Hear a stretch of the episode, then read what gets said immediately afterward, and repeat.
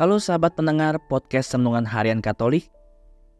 Di episode kali ini kita akan merenungkan kisah panggilan Yesus kepada 12 muridnya yang diceritakan dalam Injil Matius. Kisah ini mengajak kita untuk merenungkan bagaimana Tuhan memanggil kita bukan karena kita sempurna atau hebat, tetapi karena Dia mengasihi kita dan memiliki rencana yang indah dalam hidup kita. Jumat minggu kedua dalam masa biasa, bacaan Injil hari ini dari Markus 3 ayat 13 sampai dengan 19.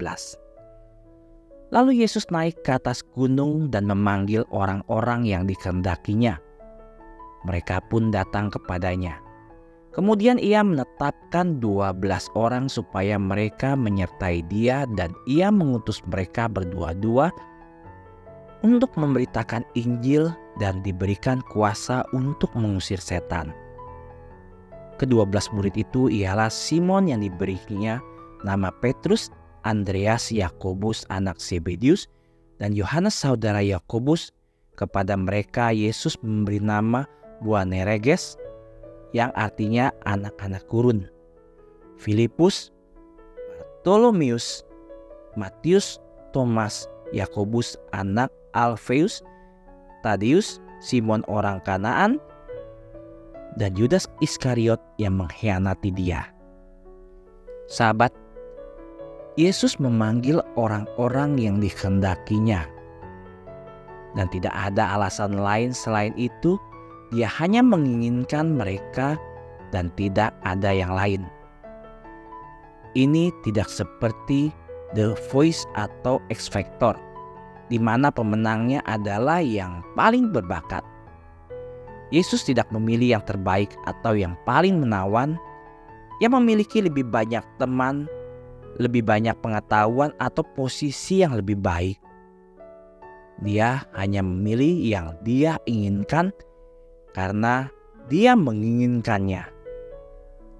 Santo Paulus menjelaskan kepada jemaat di Korintus, "Perhatikanlah Hai saudara-saudara, siapa gerangan yang dipanggil menjadi umat Kristus? Tidak banyak di antara kamu yang menurut ukuran manusia bijaksana, tidak banyak yang berkuasa, tidak banyak yang mulia.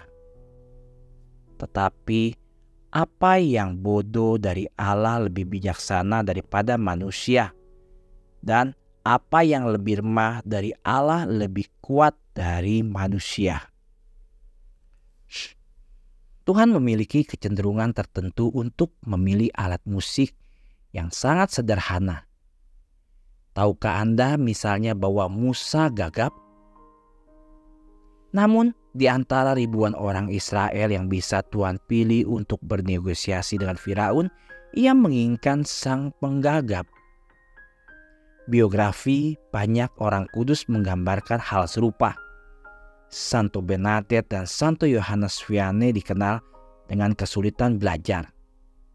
Sebuah geografi online tentang Santo Yosef of Cupertino berbunyi dia adalah seorang mistikus Itali yang hidupnya adalah kombinasi luar biasa dari kurangnya kapasitas alami dan efisiensi supernatural yang luar biasa.